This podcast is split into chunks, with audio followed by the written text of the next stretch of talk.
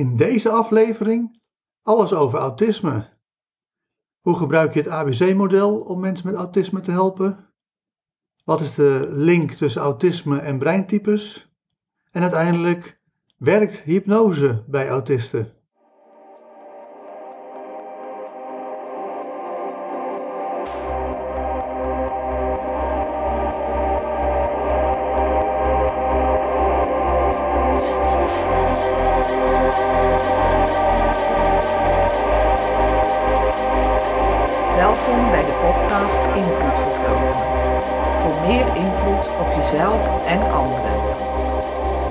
NLP Master Trainer en door de Vrije Universiteit gecertificeerde OBM Trainer Coach Joost van der Leij.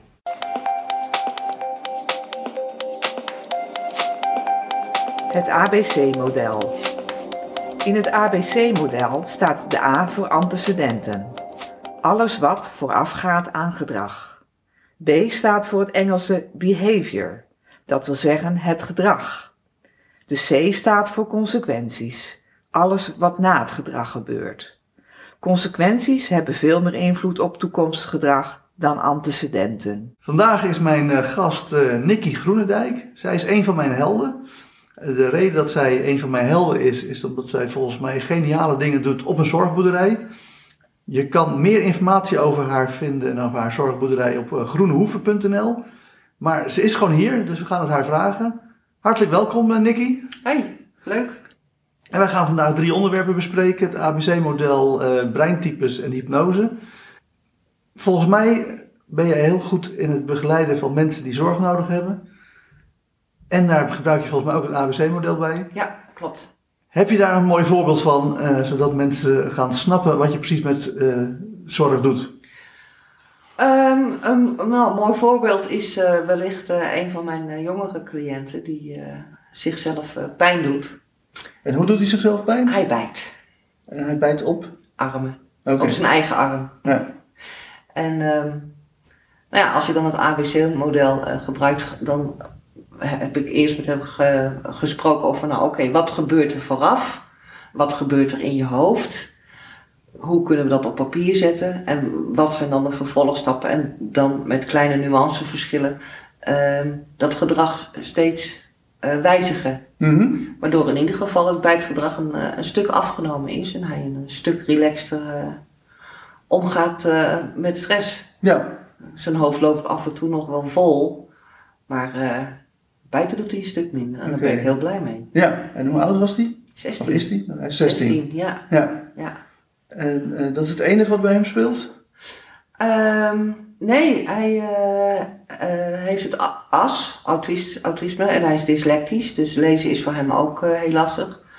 Um, ja, en, en zijn, wat hij dan zelf zegt, dat zijn hoofd heel erg vol loopt. Ja. Ik heb ook uh, sensorisch model samen met zijn ouders ingevuld.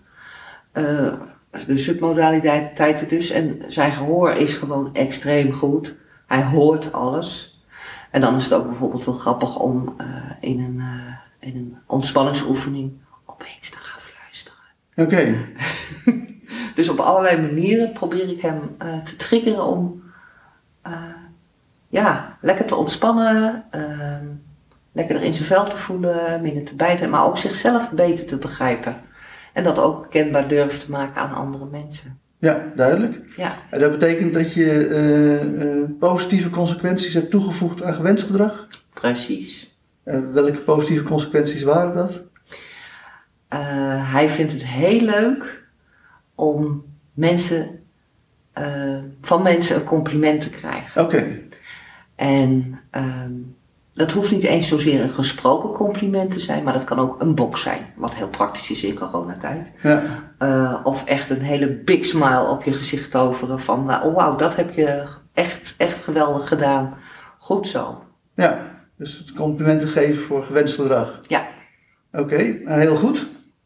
Vervolgens uh, is hij dus een stuk opgeknapt. Hij is een heel stuk opgeknapt. We hebben heel hard gewerkt in een half jaar tijd.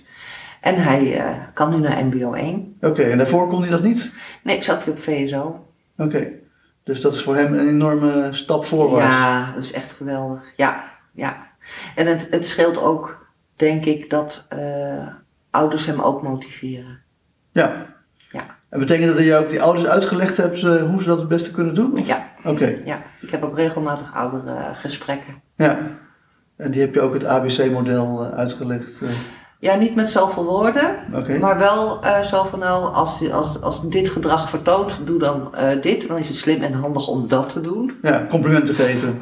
Precies. Ja. En als het ongewenst gedrag is, kun je het misschien het beste eh, negeren. Maar het is er nogal dynamisch gezien. Oké. nou, mooi, geweldig. Ja. Ja. volgens mij is het werken met autisten is, best heel ingewikkeld. Dus goed om te horen dat dit zo goed gegaan is.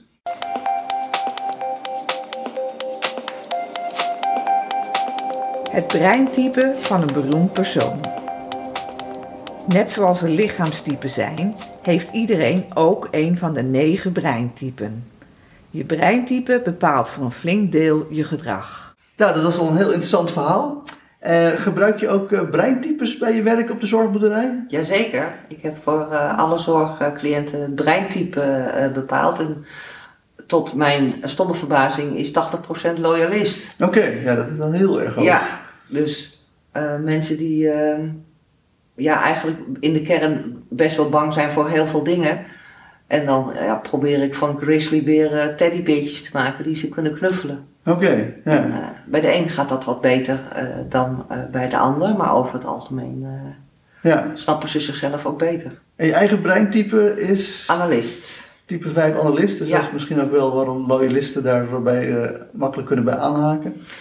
Ja, eh, ik weet het niet. Ik heb een hele goede klik eh, Ja, met, eh, met iedereen die op de boerderij is. ja. En heb je het gevoel dat de loyalisten makkelijker in de problemen komen in onze huidige maatschappij? Zodat ze daarom oververtegenwoordigd zijn bij jou? Nou, ik, ik weet niet of, of het daardoor komt dat ze oververtegenwoordigd zijn bij mij. Ehm is wel een hele interessante vraag. Ik ga gelijk nadenken. Ehm, kijk, loyalisten die kunnen bang zijn voor van alles en nog wat. En nu in coronatijd eh, hebben we het uiteraard vaak over corona op, eh, op de boerderij. En dat probeer ik niet zozeer te bagate- bagatelliseren. Uh, maar wel om, om heel strikt en streed te zeggen van nou jongens, dit is gewoon het probleem en dit zijn de maatregelen en daar moeten we ons gewoon met z'n allen aan houden in de hoop dat we er zo snel mogelijk van af zijn. Het is natuurlijk wel een hele kwetsbare groep mensen, want ze zitten niet voor niets op de dagbesteding op de boerderij. En aan de andere kant um, is mijn ervaring dat als je het ook gewoon met ze over dat soort dingen hebt en praat en desnoods op internet opzoekt en, en, dat laat, uh, laat zien, inzichtelijk maakt, dat ze dat redelijk goed aannemen. Ja. Oké. Okay. Dus ik heb geen wappies op de boerderij. Nee, zijn allemaal weldenkende zorgcliënten. Kijk, heel mooi. Um, maar mijn vraag is eigenlijk andersom, in de zin dat voordat ze bij jou komen, of het voor loyalisten gewoon moeilijker is om deze maatschappij te functioneren, omdat ze gewoon meer tijd nodig hebben om te wikken en te wegen welke kansen op willen. Ja, dat, dat denk ik wel. Want in deze huidige maatschappij waarin we leven moet alles snel, snel, snel. Uh, je, je, moet vooral niks praktisch uh, meer doen, maar alles heel veel theoretisch doen. Terwijl juist uh, bijvoorbeeld hand-oogcoördinatie ook dingen aanleert in het, in, het, in het mens zijn.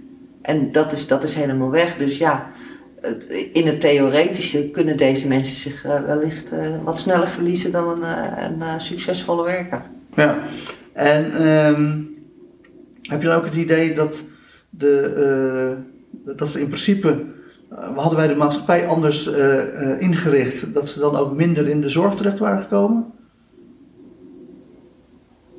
Ja, dat denk ik zeker. Oké. Okay. Ja. En dat uh, in, in, principe zijn het mensen die veel, veel minder per, per se zorg nodig hebben, als wel gewoon een maatschappij die beter omgaat met mensen die over dingen willen nadenken. Nou ja, kijk, op het moment dat je iemand een etiketje opplakt, sluit je ze eigenlijk buiten. Ja. En toevallig hoorde ik daar straks op NPO 1 nog een in, interessant verhaal van. Uh, op, uh, iemand over de, de huidige situatie in coronatijd en over het buitensluiten van bepaalde groepen. bijvoorbeeld eh, de ouderen, dat die, die buitengesloten worden, dat het probleem van corona bij de ouderen ligt. Nee, het probleem is gewoon corona en deal er maar mee. Ja. En ehm, zo dat kun je natuurlijk ook in overdrachtelijke zin toepassen op, ehm, op, op, op cliënten die in de, in de zorg terechtkomen. Als, als we iedereen. Even terug, vroeger was je gewoon een moeilijk kind als je autisme had. Ja. En vroeger mocht er ook nog een pedagogische tik uitgedeeld worden. Dat mag vandaag de dag niet meer, ook niet pedagogisch. Maar het heeft mensen niet slechter gemaakt. Men wist op dat moment precies waar men aan toe was. Dit doe je wel, dat doe je niet. Ja. Dus dat een negatieve consequentie voor negatieve, ja, ja, precies. En tegenwoordig krijgt iedereen een, een, een etiketje en, en, en, en, en, en worden ze buitengesloten. Terwijl op de boerderij, ik bedoel, ik heb natuurlijk een dossier en ik, ik ken de problematiek van mijn eh, mensen. Maar eerlijk gezegd doe ik daar heel weinig mee. Ik zie ze als mensen. Ja. En zo, zo ga ik ook met ze om. Duidelijk. Dus eigenlijk een, een, een ideaal mini-maatschappijtje. Perfect.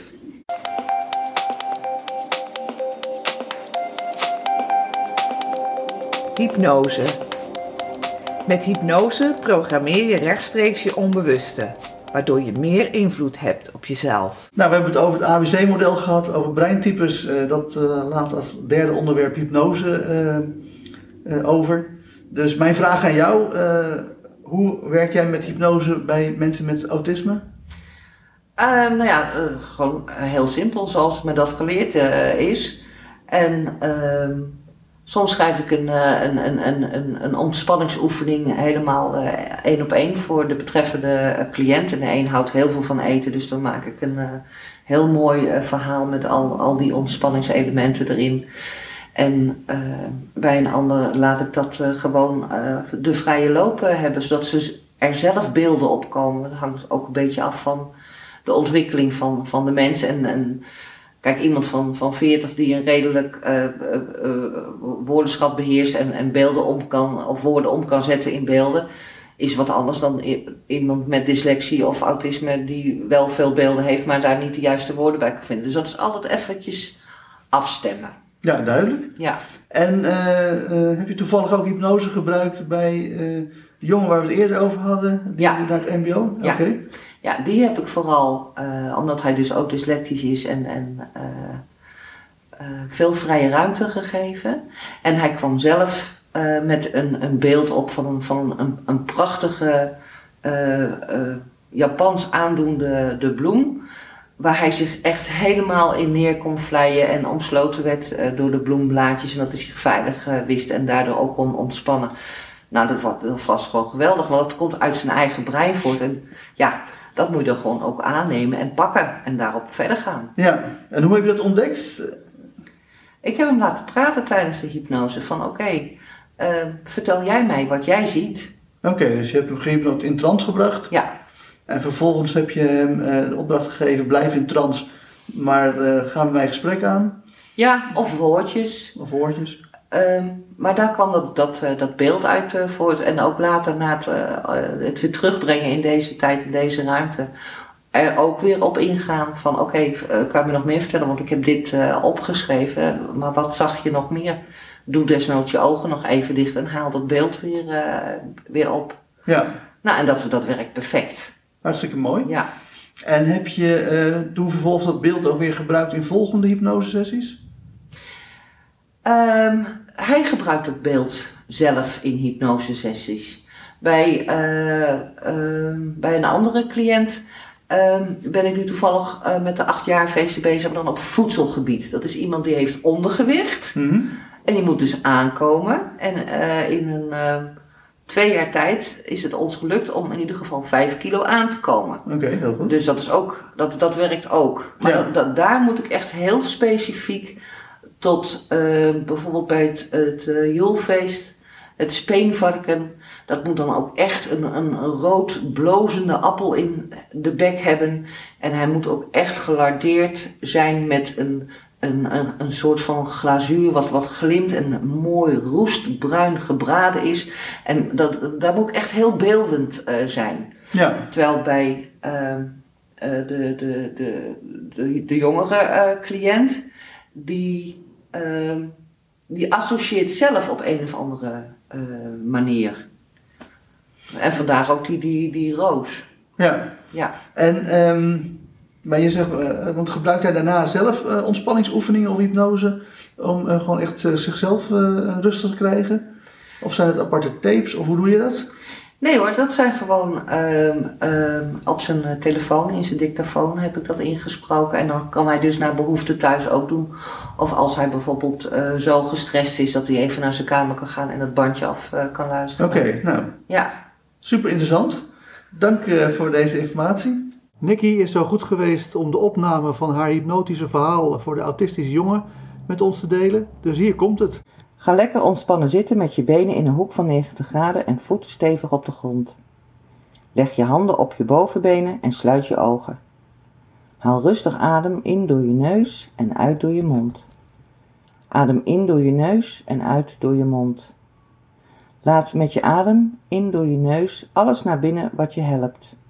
Laat met je adem uit door je mond alles los wat onhandig is voor jou.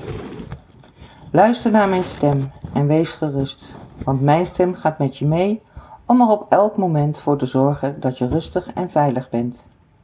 Voel jezelf in de stoel zitten en ga terug naar een moment van vroeger waarvan je weet dat je veilig en ontspannen was. Zie weer wat je zag. Waar was je? Met wie was je? En ontspan je meer. Luister naar mijn stem, want je onbewustzijn is dichtbij genoeg om mij te horen. En merk dat je meer en meer begint te ontspannen. Ik weet niet waar in je lichaam je het meest ontspannen bent. Of dat in je linkerbeen is of in je rechterbeen, in je linkerarm of in je rechterarm, of waar dan ook in je lichaam. Maar ik weet wel dat, waar je je ook het meest ontspannen bij voelt, je dat gevoel van ontspanning steeds verder over je hele lichaam kunt voelen. En als je dan al die goede momenten van vroeger afgaat, waar je ziet dat je heerlijk ontspannen bent, dan kan het zijn dat je nog allerlei gedachten hebt. Dat is prima. Laat die maar gaan. Zorg ervoor dat je gedachten steeds langzamer gaan en steeds zachter, zodat je steeds minder merkt dat je gedachten er zijn. Laat ze maar gaan. Nu je zo voelt dat je meer en meer begint te ontspannen, is het goed dat je je een rad van fortuin voorstelt met de cijfers van 10 tot 1. Het rad begint te draaien en elke keer dat er een cijfer voorbij komt, ga je dieper in een trance van comfort en ontspanning. 10 komt voorbij en je ontspant je meer. 9 komt voorbij en je gaat dieper in een trance waar je je heerlijk ontspannen bij voelt. 5 komt voorbij en je gaat echt diep in een trance. 4 komt voorbij en je gaat dieper en dieper, dieper dan ooit tevoren. 8 komt voorbij en je ontspant je van top tot teen. 7 dieper en dieper in trance. 6 helemaal ontspannen. 3 diep in een trance vol ontspanning en goede gevoelens. 2 helemaal wegzwevend op een gevoel van zaligheid. En één, je bent helemaal diep in trance. Nu je zo heerlijk ontspannen bent, stel je je voor dat je aan de rand van een verwilderd bos staat. Het is een zeer warme dag en er waait nauwelijks wind. Vogels zingen elkaar toe en de insecten vliegen langzaam van bloem naar bloem op zoek naar honing. Je kijkt links en rechts langs de rand van het bos, waar braamstruiken, varens, grassen uitbundig groeien. Ook staan zaailingen langs de rand, gretig gebruikmakend van de warmte en het licht van de zon om te groeien. Het geluid van de vogels en insecten, de warmte van de zon, maakt dat je besluit om dieper het bos in te gaan om daar de nodige afkoeling en rust te zoeken. In die lome warmte loop je langzaam langs de bosrand en bij het eerste smalle bospad dat je ziet, loop je daar dieper het bos in. Direct is het koeler tussen de bomen en het geluid van de vogels en insecten neemt snel af. Je ruikt die typische humusrijke bosgeur. Je ademt die geur diep in terwijl je het pad verder afloopt. In de verte zie je een open plaats in het bos met in het midden iets wat lijkt op een heel warrige struik. Nieuwsgierig als je bent, loop je er naartoe om dit eens te onderzoeken. Zodra je aangekomen bent op de open plek, zie je dat de struik het enige is dat in die open plek staat. Het valt je ook op dat hij precies in het midden staat. Van een afstandje bekijk je de struik eens goed en loop je er vervolgens omheen. Het is een warboel van dikke, krome takken en twijgen die in en door elkaar groeien. Je kunt er niet goed doorheen kijken. Helemaal in de top lijkt de bloem te bloeien, maar je kunt het niet goed zien. Je twijfelt. Zal ik wel? Zal ik niet klimmen? Je nieuwsgierigheid overwint. Je schudt eens aan een tak om te testen of het stevig genoeg is om in te klimmen en voor je het weet heb je je voet al op een tak gezet. Wonderlijk genoeg kost het nauwelijks moeite om helemaal naar boven te klimmen alsof je voeten weten waar ze zich moeten zetten. Boven aangekomen, kijk je over de rand en je ziet dat de takken en twijgen zo dicht in elkaar vergroeid zijn dat je er gemakkelijk overheen kunt lopen naar die enkele bloem precies in het midden. Je loopt om de bloem heen en je ziet dat de bladeren scherp getand zijn. En de plaatsing van elk blad is zo gevormd dat ze deels over elkaar heen vallen. Het heeft wel wat weg van een bed. De kleur van de bladeren is aan de randen dieprood en naar binnen toe verloopt de kleur tot geel. Hij is adembenemend prachtig. Het lijkt alsof de bloem zegt dat je mag rusten en je kruipt op een blad naar het binnenste van de bloem toe. Zodra je gaat liggen, vouwen de bladeren van een bloem zich één voor één om je heen en alle geluid verstomt. Het is heerlijk rustig. Zo rustig dat je als vanzelf je ogen sluit en je een tukje gaat doen. Je wordt weer wakker en je bent helemaal uitgerust. Je rekt je uit en als vanzelf gaan de bloembladeren weer open. Je klimt weer naar de takkenbodem en je raakt de bloem nog even aan in een stilzwijgend dankjewel. Je loopt naar de rand en klimt weer naar beneden.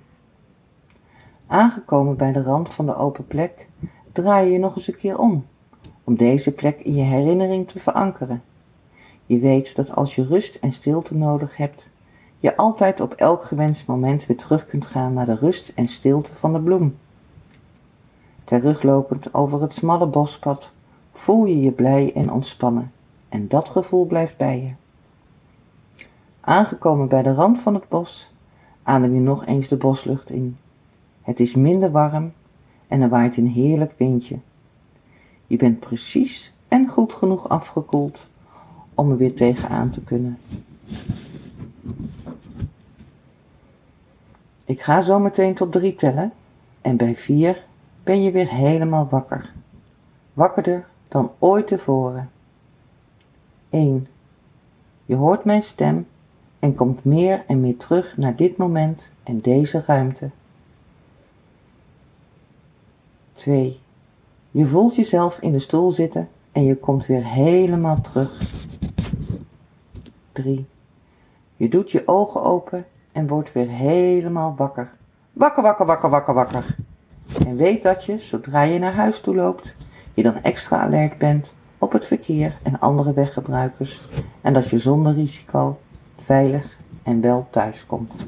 Dus kortom, mocht je nog meer willen weten over uh, Nicky uh, Groenendijk, uh, ga dan naar groenehoeven.nl en daar kan je alles lezen over haar zorgboerderij.